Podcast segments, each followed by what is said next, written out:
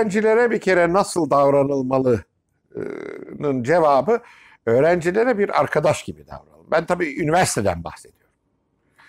Öğrencilere bir arkadaş gibi davranılmalı. Çünkü öğrencilerin hiç çekinmeden hocalarına yaklaşıp soru sorup onlarla tartışabilecekleri bir ortam yaratmak lazım.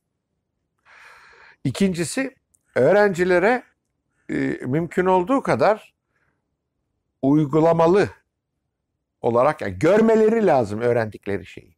Sırf kitaptan ezberleyip e, imtihana girip not alıp geçip e, öğrenme olmaz.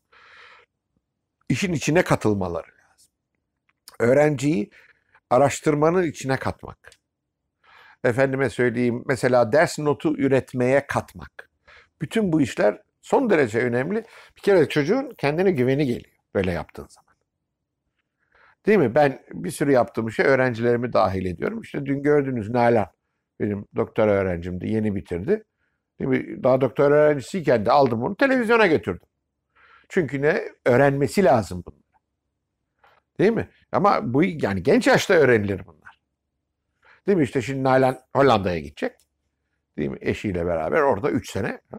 Bir sürü yani Hollanda'da bile olmayan bir sürü tecrübeyi beraber götürecek.